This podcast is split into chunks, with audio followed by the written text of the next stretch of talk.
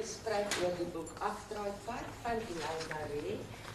En ehm um, ek het nou jou naam heeltemal Wendy, Wendy Martens. Ja, so uh, begin hier en ehm um, daar gaan 'n tydjie wees vir vrae so van so 20 minute voor dit klaar maak.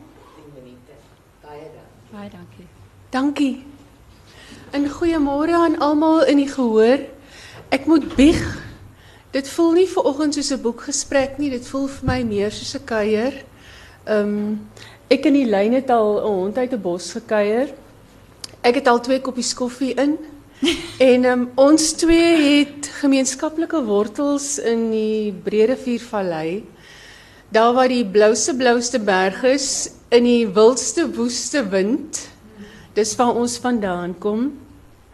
En um, ek verneem het 'n bussie deurgekom spesiaal met vrouens uit Woester om Elyn te kom ondersteun, maar dit lyk my hulle het nou nog nie aangekom nie, so dis sal seker nou nou hier ingewaals kom. En ehm um, dan het Elyn ook sommer posman gespeel. Ek sit hier met 'n pakkie wat sy van my sus afgebring het in Woester. En ehm um, ek het 'n klein sus wat dink sy's die ou sus. En sy sorg vir my en sy het vir my 'n paar bedsokkies sommer saam met Elyn saamgestuur. So ehm um, julle kan verstaan dat dit vir my meer soos 'n kuier voel vanoggend as 'n boekgesprek. Kom sit gerus.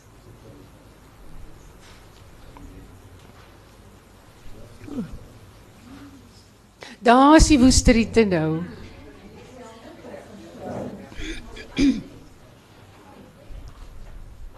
Kort daar nog drie woesteriete.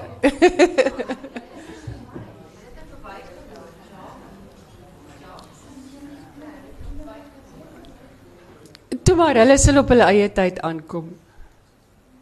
Soos wat elke storie 'n tyd en 'n plek in 'n mens se lewe het. So glo ek dat Elyn se woorde en Elyn se verhaal afdraai pad vandag seën oor elkeen van ons wat hier is se lewe sal bring. Um Elyn, dankie dat jy 'n stukkie van jou warmte vanoggend vir ons saamgebring het hier na Erfurt huis toe. Um en baie dankie dat jy bereid is om jou skrywerspaadjie met ons te deel. Ek gaan sommer met die deur in die huis val en met my vrae begin. Dankie Wendy. My eerste vraag aan jou is: vertel vir ons van jou lewenspaadjie voordat jy begin skryf het. Van die Elyn voordat sy die spreekwoordelike pen opgeneem het. Um, ek wil net vir julle almal baie welkom sê ook en dit is my verskriklik. Dit is my so voorreg om hier te sit. Um, voordat ek antwoord wil ek net sê Wendy, so 4 jaar terug het 'n uitgewershuis my genooi. Ek was nog glad nie besig om te skryf nie. En dit gesê hulle bied 'n skrywerskursus aan en my man sê nee, jy moet gaan. Jy gaan nog jy, jy weet jy moet gaan. En ek het ook in hierdie stoele gesit en nie een van die drie boeke was al uitgegee nie. En ek het net gedink, wat maak ek hier? Uh, jy weet ek skryf hierdie boeke maar en baie welkom van vir almal van Woester af. en uh, vandag sit ek hier voor so ek het baie dankbaar voor te wees vir die Here en ek wil vir hom alle eer gee dat ek hier kan wees. En waar begin my paadjie? My paadjie begin presies daar by my bekering, want voor dit is net 'n vaar herinnering. Ek noem dit my boksie daar wat ek um, vir myself volgens my eie reëls geleef het en my eie reëls was maar baie grys reëls. Um, ek het baie verkeerde besluite geneem en ook self baie afdraaipaaie geneem en met die Here se genade het ek 'n omdraaipad, 'n omkeer gemaak en op sy pad gekom en ek glo baie keer vra ek vir hom, Here, hoekom was daar soveel afdraaipaaie op my lewe? Partyke wil mens amper vra, hoekom het U dit toegelaat? Maar ons weet hy hy kan alles omdraai tot sy eer en elke afdraaipad gee ek nou ook vir hom alle eer voor want ek kan daai ondervinding wat ek daar opgedoen het in hier deur die stories en ek hoop altyd sodat dit vir ander mense hoop kan gee. Dis waar my paadjie begin het. En is ek reg as ek sê jy het jou debuut as 'n kortverhaalskrywer begin in 'n gemeenteblaadjie um, met die naam Die Windpomp? Dit is reg en van julle wat hier sit het seker al daai ou storieetjies gelees ook. Ehm um, ek het 'n bietjie verveeld geraak. Ek het met my derde babatjie toe gaan ek terug werk toe na die kraamverlof en ek was 'n uur daar toe bel ek my man en ek sê Jacques, waar is die kinders? Ek is nou de mekaar. Die oudste een het net met sap A begin, die tweede een weet ek nie waar hy nou wat hy sê bedank sommer gou gee uur kennis. Nou, ek was 'n werksmens. Ek wou werk en ek het my werk verskriklik geniet. Ek was op daai stadium by Boland College, ehm um, leerder ondersteuner.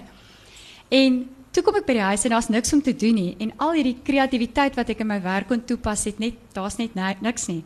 En toe begin skryf ek hierdie kort lewenssketse en dit wat ek het altyd gehoop is half humoristies want alles was vir my snaaks hoe ek heeldag bottels maak en toe kom en dis wat ek vandag gedoen het. En toe geniet die mense dit en die terugvoer wat ek van daai kosbare mense gekry het, dit het ook dit is ook versprei na ons sendelinge en ons sommer van oral af het hulle gesê Elyn ons geniet jou stories skryf weer. Julle sulke klein saadjies um kan kan so groot boom maak en ek het dit so waardeer ek het aangehou skryf en dit was dit was waar ek afgeskop het. Dit was die begin gewees van groot dinge van ons eie Fransien Rivers. Ehm um, Jou skryfloopbaan het met mening begin die dag toe jou man Jacques die nuus vir jou gebreek het dat jy jou heel eerste boek gaan skryf. Hy het vir jou die nuus gegee. Ja. Vertel vir ons van daai baie spesifieke dag. Um, ons is nou hier buitekant uh, weer daaroor gesels en ek wil graag 'n hele storie hoor asseblief. Ja, dis my heel gunsteling storie. Baie mense se storie begin met skrywery. Ehm um, wanneer hulle op universiteit dalk tale studeer, honeurs doen in journalistiek. Ek het 'n bietjie sielkunde studeer en sommer net 'n graad, 'n BA graad gekry. Ehm um, so dit is nie waar my skrywers 'n uh, loopbaan begin het nie. Dit het begin eendag in ons kombuis. So 4 en 'n half jaar terug. Ek was besig soos gewoonlik, alles gaan mis aan en Jacques het vir my gesê Elaine, die Here sê vir my, ek raak baie emosioneel as ek dit sê, want dit is dis presies wat gebeur het. Elaine, die Here sê vir my, jy gaan 'n boek skryf. En nadat hy dit gesê het, het hy gou gery. Ek weet, ek kan nou nog nie onthou of dit 'n brood en melk draai was of wat hy gedoen het nie. Maar in my kop was die gedagte, hierdie man moet dan baie lief wees vir my om te dink so iets is moontlik. En ek het toe hy terugkom omtrent 15 minute later, toe kry hy van my agter my um rekenaar en my vingertjies gaan net so. En hy sê vir wat maak jy? Ek sê toe vir hom, ek skryf 'n boek wat jy nou net gesê het ek gaan skryf. Ehm um, liefde vir Linke het net so, was net so in my ingedeponeer van die begin tot die einde. Dit was moeiteloos vir my om te skryf. Dit was die eerste boek. En nou my deel van die kant was ek weet eers wie gee boeke uit. Hier is die boek klaar eendag. Hy's besig om te braai. Ek sê vir hom, "Weet jy, die boek is klaar geskryf. Wat maak ek nou?" En ek kry trek sommer daai ding en ek sien o, hier's 'n uitgewershuis. Ek het nie geweet dit is baie moeilik om jou boeke gepubliseer te kry nie. Ek dog jy hier sê as jy boek geskryf het, is dit sommer so. Maar in elk geval ek vat dit toe nou in 'n koevert, pragtig en ek gaan na die poskantoor is in ons um, winkelsentrum. en ek wil eintlik vir almal vertel, sommer vir die vrou wat die poskantoor se stempel op sy sommer vir haar sê hoor, dit is my boek daai hoor, jy mooi pos. En so um, gee ek van die boek en toe ek uitstap, ons het sulke swaai deure by ons winkelsentrum toe ek so uitstap toe sê hy vir die Here vir my Elaine dis die eerste boek van 3 en dis 'n bietjie anders om dit self te hoor en ek het gesê Here hoe? En ja die da, dis die derde boek wat ons vandag hier bespreek. Dankie dat jy daai baie besondere storie met ons deel. Dis 'n motivering vir ons almal wat 'n droom het Goed so Vertel ons meer van afdraaipad Waaroor gaan die verhaal? Afdraaipad is soos ek sê die derde boek nou in hierdie reeks. Die eerste een was Liefde vir Lenke en dan Koesterkind en Afdraaipad. Hulle het al drie oorvleelende karakters, maar hulle kan al drie ook apart gelees word. Nou Afdraaipad gaan oor ehm um, Lisa. Lisa is net 'n doodgewone meisie met 'n goeie Christelike opvoeding wat soos baie van ons dalk of baie van die kinders vir 'n jaar of vir 'n tydperk oor see gaan werk. En soos op die vliegtyg sit, dink sy dit gaan haar lekker tyd wees wat sy gaan hê daar aan die kant en sy sê al vir die Here, Here, kom ons sit net ons verhouding 'n bietjie op hold. Ek kom weer terug, dan gaan ons weer aan. Dan sal ek weer goeie voorbeelde gelees wees. En soos sy daar aankom, jy weet as 'n mens dit doen, dan maak jy sommer net so die deur vir die duiwel oop. As jy sê, Here, bly net gou so 'n bietjie daai kant staan. Toe sy net aan die kant aankom, ontmoet sy wonderlike mens. Sy slaan haar voet onder haar lyf uit, sy raak hals oor kop verlief, sy trou met Konrad en alles oorweldig haar. En dis 'n pragtige pragtige liefdesverhaal. As jy dit begin lees sal ek dink eh, dit ek wil dit amper vir jou gou wys. Dit dit lyk vir my soos die voorblad. Ehm um, dis 'n sprokiesverhaal in die begin. En hoe die hoe dit later uh, ontwikkel tot 'n verhaal waar Konrad alles beheer oor haar lewe. En dit raak 'n boek waar sy emosioneel en fisies ehm um, jy weet die onderspit delf en die boek draai daar af. Dit is waar die naam Afdraaipad vandaan kom. En ek het baie gedink daaroor en vir die Here gevra, Here, dis darem 'n somber tema. Kan ons nie hierdie boek 'n bietjie anders laat eindig nie? Kan hierdie boek nie net vrolik raak hier teen die einde? Die mense wil graag lesers behou, jy wil hulle nie heeltemal afskrik nie. En hy het vir my bly sê Elaine, 'n afdraaipad is wat 'n afdraaipad is. Dis nie die pad wat ek vir jou beplan nie. En dit ehm um, dit is nie 'n sprokiesverhaal nie. Dis 'n ware lewensverhaal. Maar dit eindig definitief met hoop, want God se hoop is deur al my boeke die goue draad wat dwarsdeur gewewe is. So ek weet ek hoop en glo as jy wel die boek neersit, het jy hoop in jou hart, wat jou omstandighede ook al is. Dis ook deel van die reeks wat geloof, hoop en liefde is die naam van die reeks, nee? Ja, dit is dit is die ja, reeks. Die, die ja. drie. Ehm um, gee om om vir ons 'n klein gedeelte voor te lees um, dat ons net 'n smaakie kan kry van die van die kern van die verhaal en dis wat vir my so wonderlik is van skrywers. Um, hulle dra hierdie massas inligting in hulle kop. Sy het nou al 3 boeke um, op haar kerfstok en toe ek vir haar sê Elyn, sal jy vir ons 'n stukkie lees om net vir ons 'n um, idee te gee vir alles aan mense in die gehoor wat nog nie die boek gelees het nie van net so smaakie dat 'n mens net aan jou lyf kan voel waaroor die boek gaan. Sê sy vir my ek weet presies wat se bladsy ek vir jou gaan lees. Ehm dit wil gedoen wees. ek lees graag vir julle. Ehm tot tot op bladsy 108 is dit 'n pragtige storie, 'n lekker voel storie en op bladsy 108 dink ek sal die leser vir die eerste keer dink o, gats, iets iets is iets is nie reg in hierdie verhouding nie. Ek het al ook gedink as jy mens 'n stukkie gelees het in die boek dink jy maar die boek is heeltyd op sy einde want alles gaan goed. Hoe hoekom gaan die boek aan? So ek wil vir julle hierdie kort stukkie lees van bladsy 108 af. Sondagoggend staan Lize op met 'n begeerte in haar hart wat sy vir 'n lang tyd onderdruk het. Is hier 'n kerk hier naby? vra sy vir Konrad wat besig is om te stort. Hy draai die krane toe en vat die handdoek wat sy vir hom aangee. Die hele Brittanje is vol kerke, Lize. Daar sal beslis 'n kerk in die omgewing wees. Hoekom vra jy? Ek gaan gewoonlik Sondag kerk toe by die huis en ek het 'n behoefte om vandag kerk toe te gaan. Ek het klaar iets vir vandag beplan. Ek dink nie daar sal tyd wees vir jou om nog kerk toe ook te gaan nie. Ek kan nie nooit by 'n kerk uitkom nie, Konrad. Dit is vir my belangrik om te gaan. Dalk kan jy saam gaan. Dan kan ons kom ek stop jou sommer dadelik in jou spore voordat jou planne weer die oorhand kry. Jy kan maak wat jy wil, maar ek gaan beslis nie kerk toe nie. Nie vandag nie en ook nie in die toekoms nie. Jy moet tog 'n begeerte hê om kerk toe te gaan, Konrad. Ons is aan getroud in 'n kerk. As jy mooi onthou Lize, was dit op jou aandrang. Ek wou in hofsaal trou. Jy wou die kerk ding doen. Antwoord hy en lag vermakerig. Konrad stap by die badkamer en Lize tel hom nog 'n bietjie voordat sy vasberade uitstap. Ek wil regtig graag kerk toe gaan vandag, Konrad. Ek sal vir Mabel of Leslie bel. Ek weet hulle is gelowig. Dalk kan ek saam met een van hulle gaan. Sy draai om en gaan terug na die badkamer om te stort. Konrad kom by die badkamer in net toe sy die stort in die stort wil klim. Hy ruk haar hardhandig in die ronde en druk haar teen die glasskerm van die stort. Lize, ek het gesê ek het iets beplan vir vandag. Ons gaan piknik hou in 'n park waar 'n simfonieorkes gaan optree. Dis somer. Dis die tyd van die jaar wanneer 'n mens buite moet tyd spandeer, nie in 'n donker gebou vol pretensieuse mense nie. Tot dan. Dankie. Hoe ontstaan jou karakters?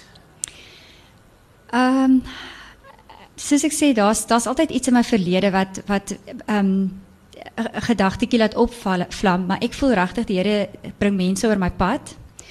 Uh wat wat ek iets in sien of waarby ek iets leer. In liefde vir Lenke was die hooftema abortus, so ek sou pad stap met abortus. Uh koesterkind is het ek vir 'n jaar lank gevangenisbediening gedoen en ek het ehm um, mense daar met mense daar te doen gekry wat ek ook baie inspirasie by gekry het. En afdraaipad was weer iemand wat ek kon sien word emosioneel gelouter en dit dit laat my bietjie meer lees daaroor, bietjie meer dink daaroor en dit is hoe die karakters maar net begin broei in my. En dan begin hulle pad saam met jou stap. ja, of ek stap die pad saam met hulle. Ehm um, wat was vir jou die grootste uitdaging tydens die skryf van uh, Afdraaipad? Veral die feit dat ek um, hier teen die einde gevoel het dat ek regtig hoop dit gaan 'n ander einde hê. Ek kon sien waar is waar stuur ons af en ek het gevoel dit moet anders wees. Dit moet vrolik wees. Ek is van nature 'n gelukkige vrolike mens.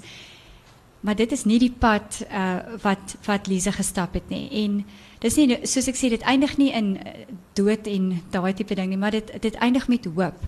So ja, En dit gaan sommer oor my volgende vraag. Jy het verskillende opsies vir 'n slot gehad. Jy het verskillende opsies oorweeg. En wat het op die ou einde gemaak dat jy op daai spesifieke slot besluit het? Die pad wat jy gestap het om op die ou einde by daai slot uit te kom. Dit was nie maklik nee, nie. Nee, dit was definitief nie. Ek noem die woordjie gehoorsaamheid want daar was die twee opsies, die Elyn keuse en die pad wat die Here gevoel het hierdie boek, boek moet loop.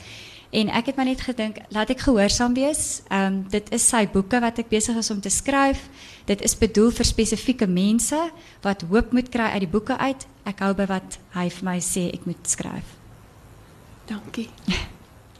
Ehm um, en dan wonder ek altyd as 'n mens skrywe en jy het 'n gesin, hulle sien ma sit en skryf, ma's agter die rekenaar, vrou lief is besig agter die rekenaar. Ehm um, deel jy sommige van die aspekte van jou skryfwerk met jou gesin?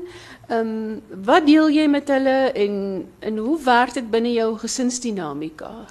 Ek skryf gewoonlik soggens omdat dit stil is in my huis soggens en dan daar ry die kinders rond saans is gesinstyd. Maar wanneer die kinders nou daar is en ek het 'n tydjie om ietsie te toets, sal ek dit baie keer toets op my dogter Jomery. Sy's 15, sy's 'n pragtige kind van die Here en sy's ook 'n baie eerlike mens. En sy sal vir my terugvoer gee. Sy ehm um, ja, sy's 'n ywerige lesertjie ook, dankie tog so. Maar um, een keer het ek vir Jacques gevra om vir my te bietjie te lees en toe na die eerste bladsy toe hy hy snot en trane. Toe sê ek vir hom nee dit gaan nie werk nie. Dit dit raak beter het ek vir hom gesê, maar so Jacques is regtig my klankbord nie. Maar hy gee my verskriklik baie um, idees omdat hy in die regswêreld is met regsaspekte. Mens wil altyd hê jou boeke moet feitelik korrek wees en daar help hy my weer baie. En dan het julle twee een keer 'n week het julle 'n uh, kuier afspraak, net julle twee. En dis julle tyd en dan ruil julle gedagtes en idees uit.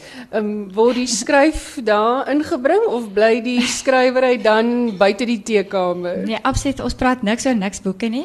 Ons praat net oor dinge wat vir ons lekker is om oor te praat. Hy een keer 'n week. Dis my verskriklik lekker omdat hy die hele tyd in die hof is. Weet jy mens nooit wanneer hy uit, wanneer hy in en ek skryf ons nou by die huis, so ek is altyd beskikbaar dan sal hy vir my bel en sê ja, het jy 'n halfuur, dan het ons 'n date en dan gaan ons iewers lekker ontbyt eet of koek eet. En ja, dis vir my baie lekker spraak glad die boeke nie, hoor. Waar's Jacques? Jacques is Daar sit hy. ja, die die hof het gaan staan, Jacques het gekom. Ehm, um, het jy 'n spesifieke plek waar jy skryf? Het jy sekere gewoontetjies wat uh, wat jy byhou as jy skryf sekere tye? Uh, definitief soggens, dis stil in my huis. Um ons huis grens so aan die Karoo Nasionale Botaniese Tuine en is pragtig as jy daar uitkyk. Ons weet ook almal woester in die mooiste berge, so ek kan lekker daarna kyk. Vir my is dit lekker om daar te sit. Ek sal nooit gaan sit en skryf as ek nie voel hier's iets wat nou moet uitkom nie.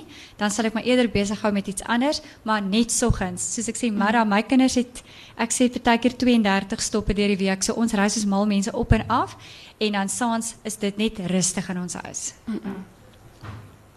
Um, en dan het jy vir my gesê daar's 'n baie kosbare badkamer storie oor jou ontmoeting met Helene de Kok en um, dat sy 'n baie groot invloed op jou skryfwerk uh, het gehad het en nog steeds het.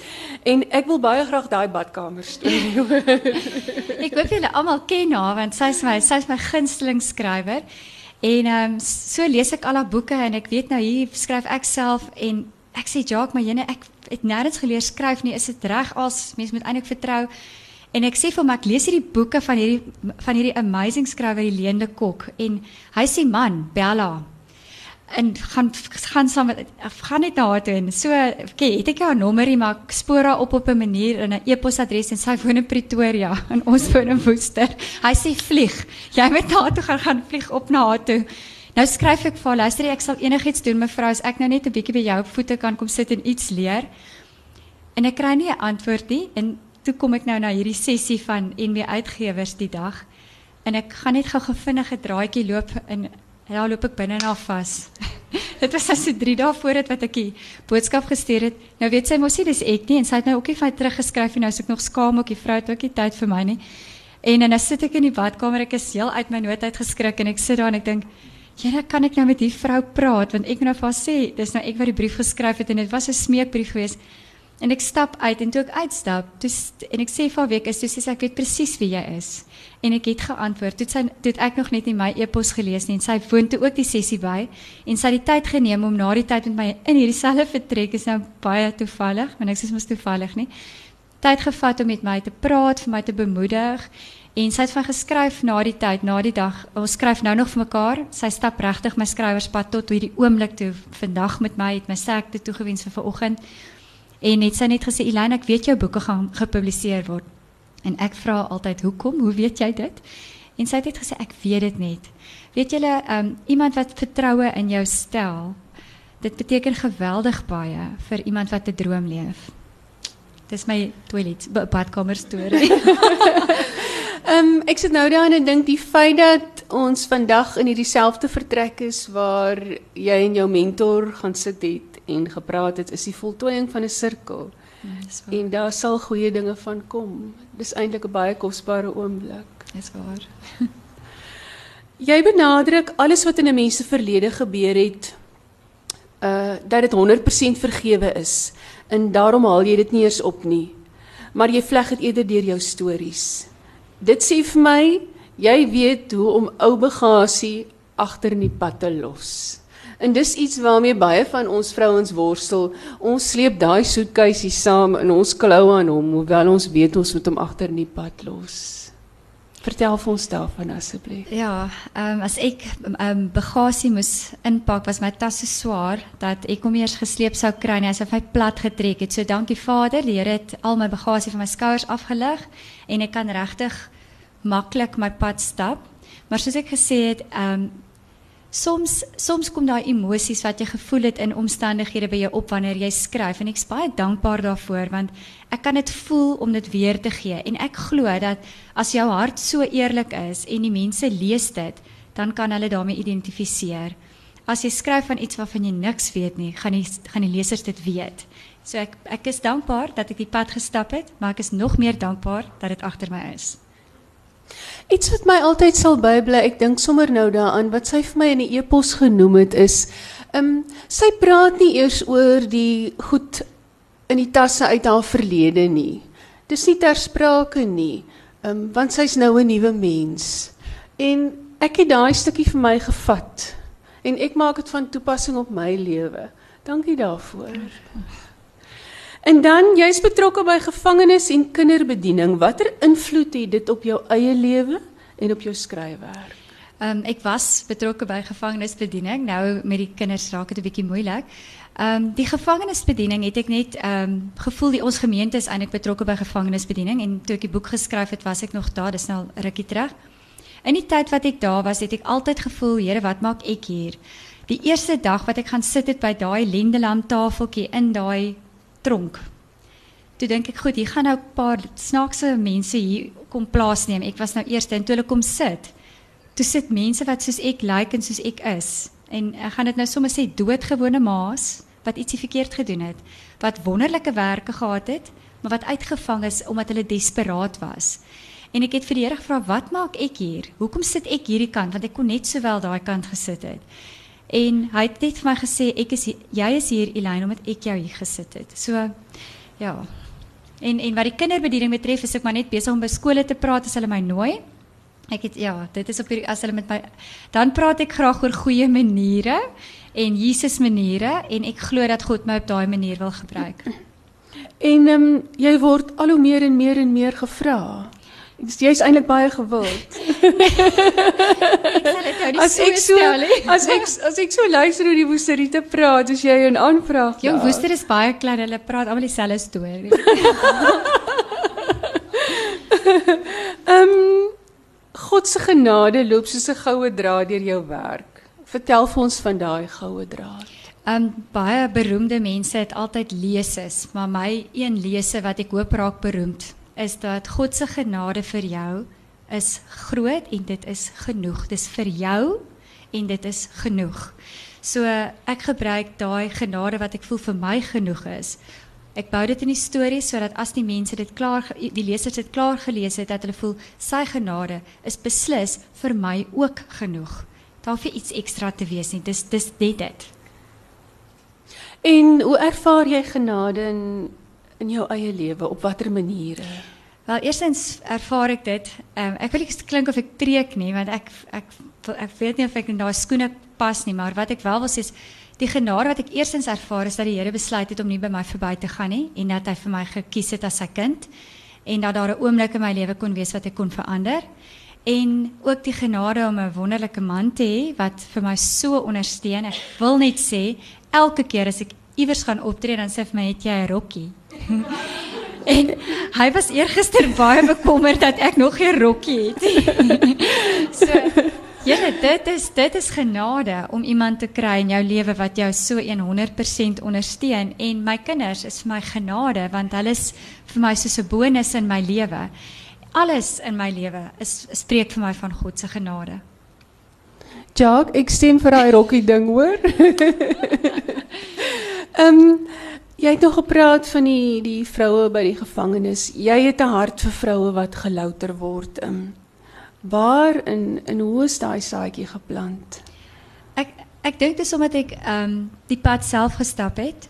Uh en ek as ek terugkyk, dink ek net hoeveel mense is oor my pad. Sommige van hulle het ek totaal geïgnoreer want ek het altyd gedink julle kan nie identifiseer met my nie. So julle kan nie verstaan nie. En ek voel ek wil graag iemand soos dit wees vir vrouens wat dalk stil bly en stil swaar kry. So ek glo ja, dis hoe ek betrokke wil wees. En dan terwyl jy nou daar sit en ek jou so kyk, dan probeer ek nou in my kop 'n prentjie skets van al die beroepe wat jy al gehad het en ehm um, die passie waarmee jy elkeen gedoen het. Ehm um, sal jy asseblief vir ons vertel van alles wat jy al gedoen het? Die, die verskeidenheid wat jy uh take wat jy al verrig het, dagtake. Um, en dit het dit begin met onderklere aankope in Milaan. ja. Wat wat wat absolute droomberoep vir 'n jong meisie is, nê? Nee? Uh, ja, wat soos ek was, dan wil ja, ons onderklere ja. in Milaan aankoop. Ja, moet ek vir jou vertel waar dit Asseblief, moet niks moet niks oorslaan nie want dit is net 'n ongelooflike prentjie. En as 'n mens daarna luister dan besef 'n mens ehm um, sy's dankbaar oor elke stukkie van die legkaart van haar lewe. Want dit maak deel uit van die die die bron waar hy sy put is hy skrywe en dis hoekom sy die boeke kan skryf wat sy wel skrywe want sy het die stukkies van die legkaart sy weet waarvan sy praat Asseblief ons luister graag. Ek gaan definitief vir die onderklere iewers inbring in die legkaartie net raak jy lees. Nee, ek wil nie noem. nee, weet jy na universiteit het ek um eintlik 'n wonderlike geleentheid gekry. Ek het so klein bietjie medalwerk gedoen deur die tyd en iemand het um my daar raak gesien en gesê sy uh oom het 'n besigheid wat onderklere invoer uit Milan en hulle soek 'n internasionale aankoper. Nou vir ek het vroeg 'n graad gekry op 20 Toe dink ek, hoe amazing is dit nou? Ek gaan nou Milan toe. Ek gaan nou klere aankoop en iemand gaan my betaal om dit te doen. So ek het honeurs net daar vaarwel gewaai en weg is ek en dit was 'n amazing werk geweest vir 'n jong meisie. Maar dis ook 'n afdraaipad. Dis 'n baie harde wêreld en ek was baie jonk. Ek het teruggekom en van daar af was, net, was ek al 'n sportorganiseerder en ek het gewerk by Teggeberg Hospitaal as hulle senior openbare betrekkinge beampte, by baie jare by die Instituut vir Blindes gewerk, openbare betrekkinge en ook vir 'n hele paar jaar by Boland College gewees, um studente ondersteuning. Ja, ek weet nie wat om nog te sê. Ek het 'n hokkie afgerig vir onder 7s, 8s en 9s. Ek gaan ook daarvan skryf. Ehm en ehm um, jy het 'n onderneming gehad wat kos voorsien het aan uh toe die tonnel gebou is in die Toyskloof. Wie ek weet nie Wendy waar jy al hierdie goed kry nie. Nou van my stoel afval. ja, weet julle ek ek weet of julle onthou toe die genote tonnel gebou is, nê? Toe was daar uh, by tye sulke kilometer lange toue en ek land in hierdie tou en ek land aan die woesterkant en dit is baie warm. En so sit jy en dit is mos oormiddagete. En dan raak jy verskriklik honger en dors en ek dink maar hier gaan ek baie geld maak. En ek kom sommer terug met 'n koelboks in my boot met koeldranke en druiwe. Dit was druiwe seisoen. Julle en het ek nou vir jou geld gemaak want almal die hok die die lorry drywer staan staan drie almal is honger. Daar was nie nog one stops langs die pad daai tyd nie. En niemand het selfone gehad om te sê moenie nou ry die tonnel is toe nie. So almal sit en is dors honger sodat ek later mense aangestel het om saam met my en toe raak dit 'n besigheid. Toe ons nou sommer later aan kospakkies ook gehad en tot die verkeersdepartement natuurlik uitgevind het en van my geskryf het in die koerant wat wederregtelik uh, daar 'n restaurant bedryf. Maar in geval maar die volgende oomblik toe die vrouens wat in die taksies is sulke gehekelde baadjies ook begin uithaal, hulle wil ook iets verkoop het en toe stop hulle die mall net daar. Ehm um, aan ondernemingsgees het jy geen gebrek nie. Ehm um, jy's 'n perfekte dame. Ehm um, en 'n mens kan skaars glo dat jy valskerm spring as sport beoefen. Vertel vir ons 'n bietjie hoe daai gogga jou gebyt het en waar en waar die liefde vir daardie adrenaliensport vandaan kom. Ja. Uh toe ek op universiteit was, ek gaan nou weer sê wou ek geld maak. Uh want ek was in Bloemfontein en ons het in Woester gebly en dit was ook hierdie tyd wat jy um, nie heeltyd toegang gehad het tot alles nie en ek het R90 sakgeld gekry in die maand by my maale en dit was opgewees so rondom die 9de van elke maand. En toe sien ek 'n advertensie as jy nou valskerm kursusse verkoop, dan kry jy per kind, jy verskriklik baie geld en ek dink goed, dit moet ek doen. Maar toe sê hulle maar ek moet eers self die kursus doen. En as jy die kursus doen, dan sluit dit 'n sprong in. So ek doen toe die kursus. En toe ek nou die sprong moet doen en ek is daar in die vliegtuig, hoeveel van julle het al valskerm gespring? O, oh, daai eerste sprong is nie maklik nie. En is 'n static line, so hy gaan gelukkig jou valskerm ooptrek. Maar so sit ek in die vliegtuig en ek sien laaste een want die ligste persoon spring laaste want jy bly die langste in die lug. En toe hy nou sê throttle back, toe kry ek so senuwee aanval, toe sê ek ek gaan nie meer spring nie. Sê ek vir toe vir die jump master. Hy was so jong ou. Maar ehm um, hy besluit toe nee, ek gaan spring en ek ga, is toe al voor en hy sit my so half op die vlerk. Ek sê ek gaan beslis nie spring nie. Baie dankie. En hy buig so af, Jack, nou met jy jou ore toe druk en hy gee vir my 'n verskriklike soen. Net daar. En ek los als en ek sweef letterlik af. so dis die valskerm springer hy nou meer is lekker want ek assosieer dit daai verskriklike adrenalien met hierdie aantreklike valskerm spring ouen. toe spring ek vir die vale vrekte so al die geld wat ek toe maak met die valskerm spring kursusse gee ek toe uit om elke keer te spring. So dis my valskerm. en, en ek spring nie meer nie want jy kan nie op woester spring nie en ek het mos die drie kinders so. Nou, ek verstaan. Ehm um, Elaine, het jy 'n gunsteling woord in Afrikaans? My gunsteling woord was altyd koester en dit is 'n koesterkind, maar onlangs het my gunsteling woord geword klakkeloos. Ek weet nie of julle die woord ken nie. Dit beteken somme somme net klakkeloos. En toe kom ek agter die woord klakkeloos kan 'n klomp goed beskryf wat nie 'n woord het nie. So op die oomblik is dit klakkeloos. Dankie vir daai ene. Ehm um, en dan Ek jy sopas 'n toneelstuk geskryf op versoek van 'n hoërskool en hulle gaan dit opvoer vir 'n kompetisie as ek het, as ek dit ja. reg het. En die naam is um Kareltjie se pa en vir my klink dit soos 'n avontuur op sy eie en ek weet nie hy klink vir my asof dit Kareltjie se pa die movie kan raak. Sjoe. ja, uh, dit kan uh, op skool hoop so.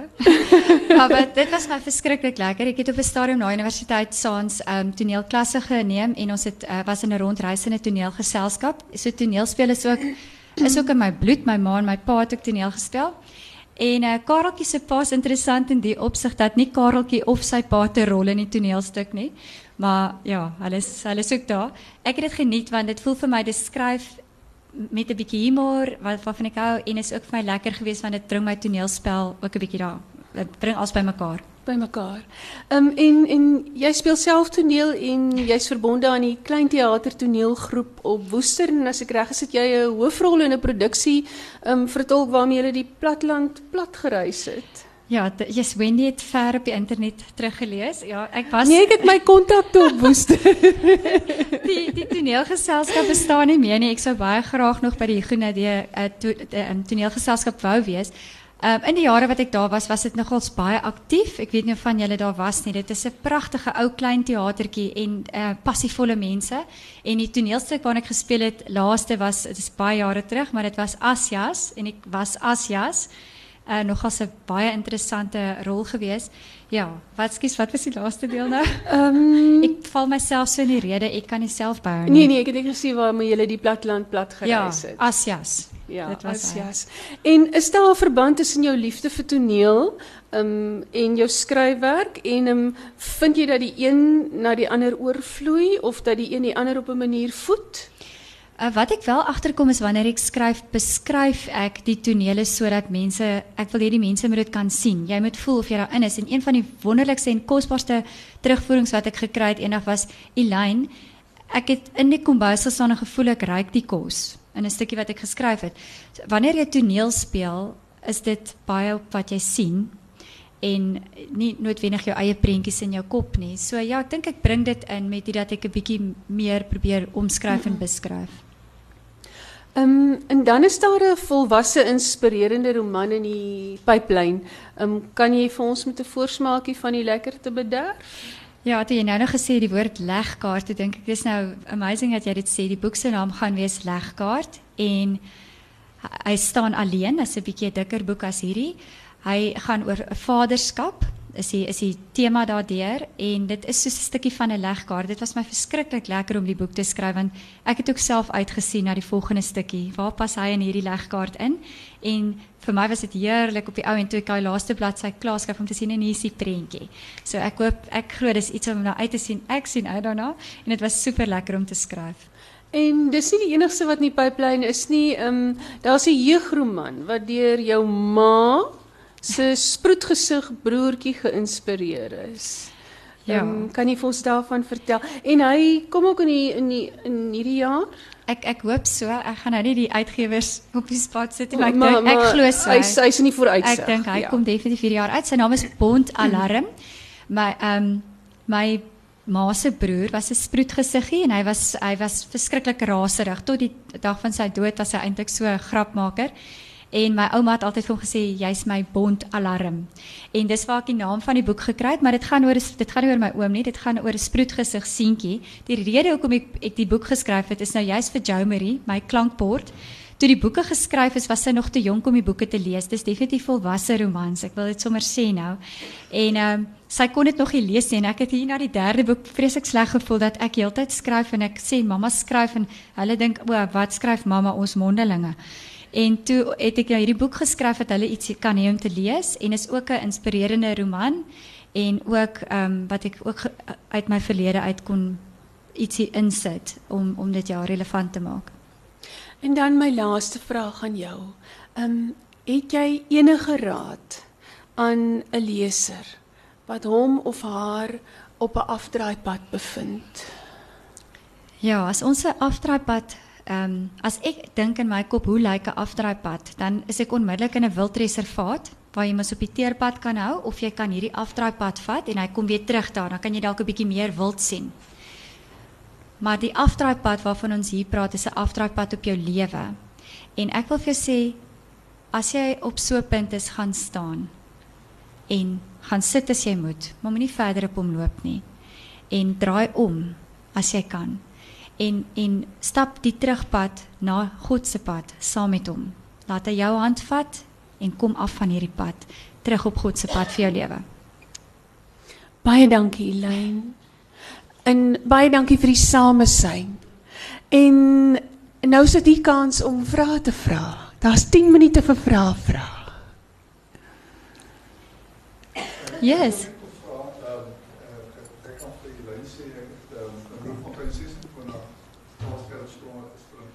Well done. Ek sê dit was ek het. Het nou nog gespring, nê. Ehm, baie keer doen nou 'n nag, ek sê altyd 'n nagsprong ook gedoen, want jou oë was soms toe, jy weet. Ons Ja. was nie so gekwalifiseer op nagspronge, maar baie ouens se oë was heeltyd toe al was dit vir die dag aan bank. Ehm ja, ek het, ek is bly uh, dat uh, Wendy hierdie is 'n uitstekende gesprek gewees. Ek dink dit is vir ons almal baie lekker om te hoor wie's die lyn regtig uh, waar kom sy vandaan. En ek dink Wendy het uh, die gesprek pragtig gelei en vir ons die hele ding oopgemaak. Ek was bekommerd toe die lyn sê dat uh, sy die trilogie uh, soort van dis nou afgehandel. Uh, ek dink Jacques is 'n groot inspirasie. Sou moet mens ieder in hom praat as met Jacques. Uh, want hy gaan weer se- seker maak daar kom nuwe dinge. Uh, maar die inspirasie kom natuurlik uit jouself uit en daarom legkaart en bondalarm. Bondalarm is definitief op die spyskaart gekry. Jippie. Ja. Uh ek weet nie waar die groot pad met legkaart lê nie. Maar ehm um, dit is die probleem wanneer jy sê Elyn dat jy ook hier was met die MB skryf kursus. Uh dat daar nou 'n pad begin loop geloop is met die uitgewer, die hongerige uitgewer en en Elyn as 'n nuwe skrywer in aanhalingstekens, maar sy is nie meer 'n nuwe skrywer nie. Sy het nou ook al 'n hele en op hierdie pad geloop. Uh nou is die uitgewer dalk bekommerd dat een van die groot uitgewers van kom en haar opdra. Maar so ek dink wat ek graag wil sê is ehm um, Elyn het tot hier gekom uh met haar skrywe. Uh en ek dink sy is 'n inspirasie vir vir baie mense wat loop soek. Mm. En ek dink dis 'n baie kosbare ding vir ons as 'n uitgewer. Uh om haar vas te hou in hierdie ding waarmee en is 'n groot belegging ook vanuit die uitgewerskant om 'n pad uh met iemand soos Elyn te loop. So daar's 'n bietjie van kommernis uh, want daar is altyd um, ook volke wat kyk waar is die volgende uh so die lyn wat ek graag sou wil sê hoor is dat 'n mens sê want die wêreld is stikken daar buite mense het hoop nodig en ja. hierdie genre spesifiek wat ook geweldig goed vaar in die boeke van hierdie tipe ek, ek sal nie daai woord skrywers naam gebruik jy voor jou gebruik maar dit is die tipe van skrywer Frans sien hulle miskien maar sy die lyn is uniek in Suid-Afrika. Mm. En ek dink hier is dit 'n kosbare ding wat met ons as uitgewer gebeur ook met die lyn en dat ook hierdie pad miskien nog baie meer oor die kundig en versigtig maar voluit gaan loop met iemand soos die lyn. Ehm uh, want Suid-Afrika het regtig nodig en vroue miskien is die grootste lesers as dit baie nodig. Ek was gister was by 'n ander vergewe dat ek nie so bietjie kan maar waar waar geloof bespreek is waar iemand gesê het maar kyk daar is nie iets soos 'n hemel en 'n hel nie en God bestaan nie. En dan beland ek weer volgende hier dan wil iets anders te. Ehm um, en my hart is ook hier waar ou sê maar ons moet veral vir hulle wat nou nie meer eers in die kerk is nie. Ek hoop die lei gaan ook daaroor skryf. Nie net die die kerk se rol nie, maar ook die God se rol en Jesus se rol buite die kerk vandag. En daar's baie mense in die kerk. Mm. So ek ek weet nie as ek sê maar net uh hou so aan en dan. Ja, baie dankie. En uh dis ek dan maar te doen. Ek wil ek wil dalk net sê terwyl hy dit praat, ek wil net sê uh, dit is uh, Johan my uitgewer wat luister die hele wat ek die dag ek sê altyd um ek het pragtige skoene ingepak om hulle die dag te gaan sien. En uh ek het sulke sulke R15 blou plakkies waarmee ek in die tuin werk. So ek bestuur toe met dit en toe ek instap by hulle, toe sien ek maar ek het nog my plakkies aan. ek het vergeet om my hoekskoene aan te trek. En ten spyte van dit het hulle vir my daai eerste dag gesê, het hulle 'n geloofstap geneem en gesê, "Elyn, ons gaan hierdie pad saam met jou stap." En ek het nie van self ontwikkel as skrywer nie. Hulle het die pad met my gestap en ehm um, ek as jy sê ander uitgewershuis wil ek vir jou sê ek voel gekoester by Naledi. Dit is die tipe uitgewershuis wat hulle is. Die merk wat hulle nou maak in Suid-Afrika is uh, jy kan dit nie miskyk nie. By die woordfees staan hulle uit soos 'n toring. Al die boeke wat nuut uitgegee word en relevante temas. So vir my voel dit net die Here het vir my by die beste plek geplaas om optimaal resultate te kry. En ek wil net sê, dit was so groot vreugde om my huiswerk te kon doen vir hierdie onderhoud. Want Elaine het dit so maklik gemaak. Sy het met soveel openhartigheid en met soveel vreugde en met soveel verwondering. Sy leef in verwondering en vreugde elke dag. Um, ek was nooit bang as ek 'n e-pos stuur dat dit ontydig sou wees nie. Ek kon die foon enige tyd optel Um en sy het dit met 'n lied in die hart geantwoord. Ek kon enige tyd SMS en sy was beskikbaar en sy het my vrae geantwoord en soms as ek myself herhaal het, het sy dit vir my baie subtiel op 'n baie mooi manier geantwoord sonder dat ek sleg gevoel het as ek dit dink weer 'n tweede keer vra. Ek wil um baie dankie sê vir Elyn dat sy dit vir my so maklik gemaak het. Die reis saam met haar um het vir my baie beteken. Dankie daarvoor. Ja, dit is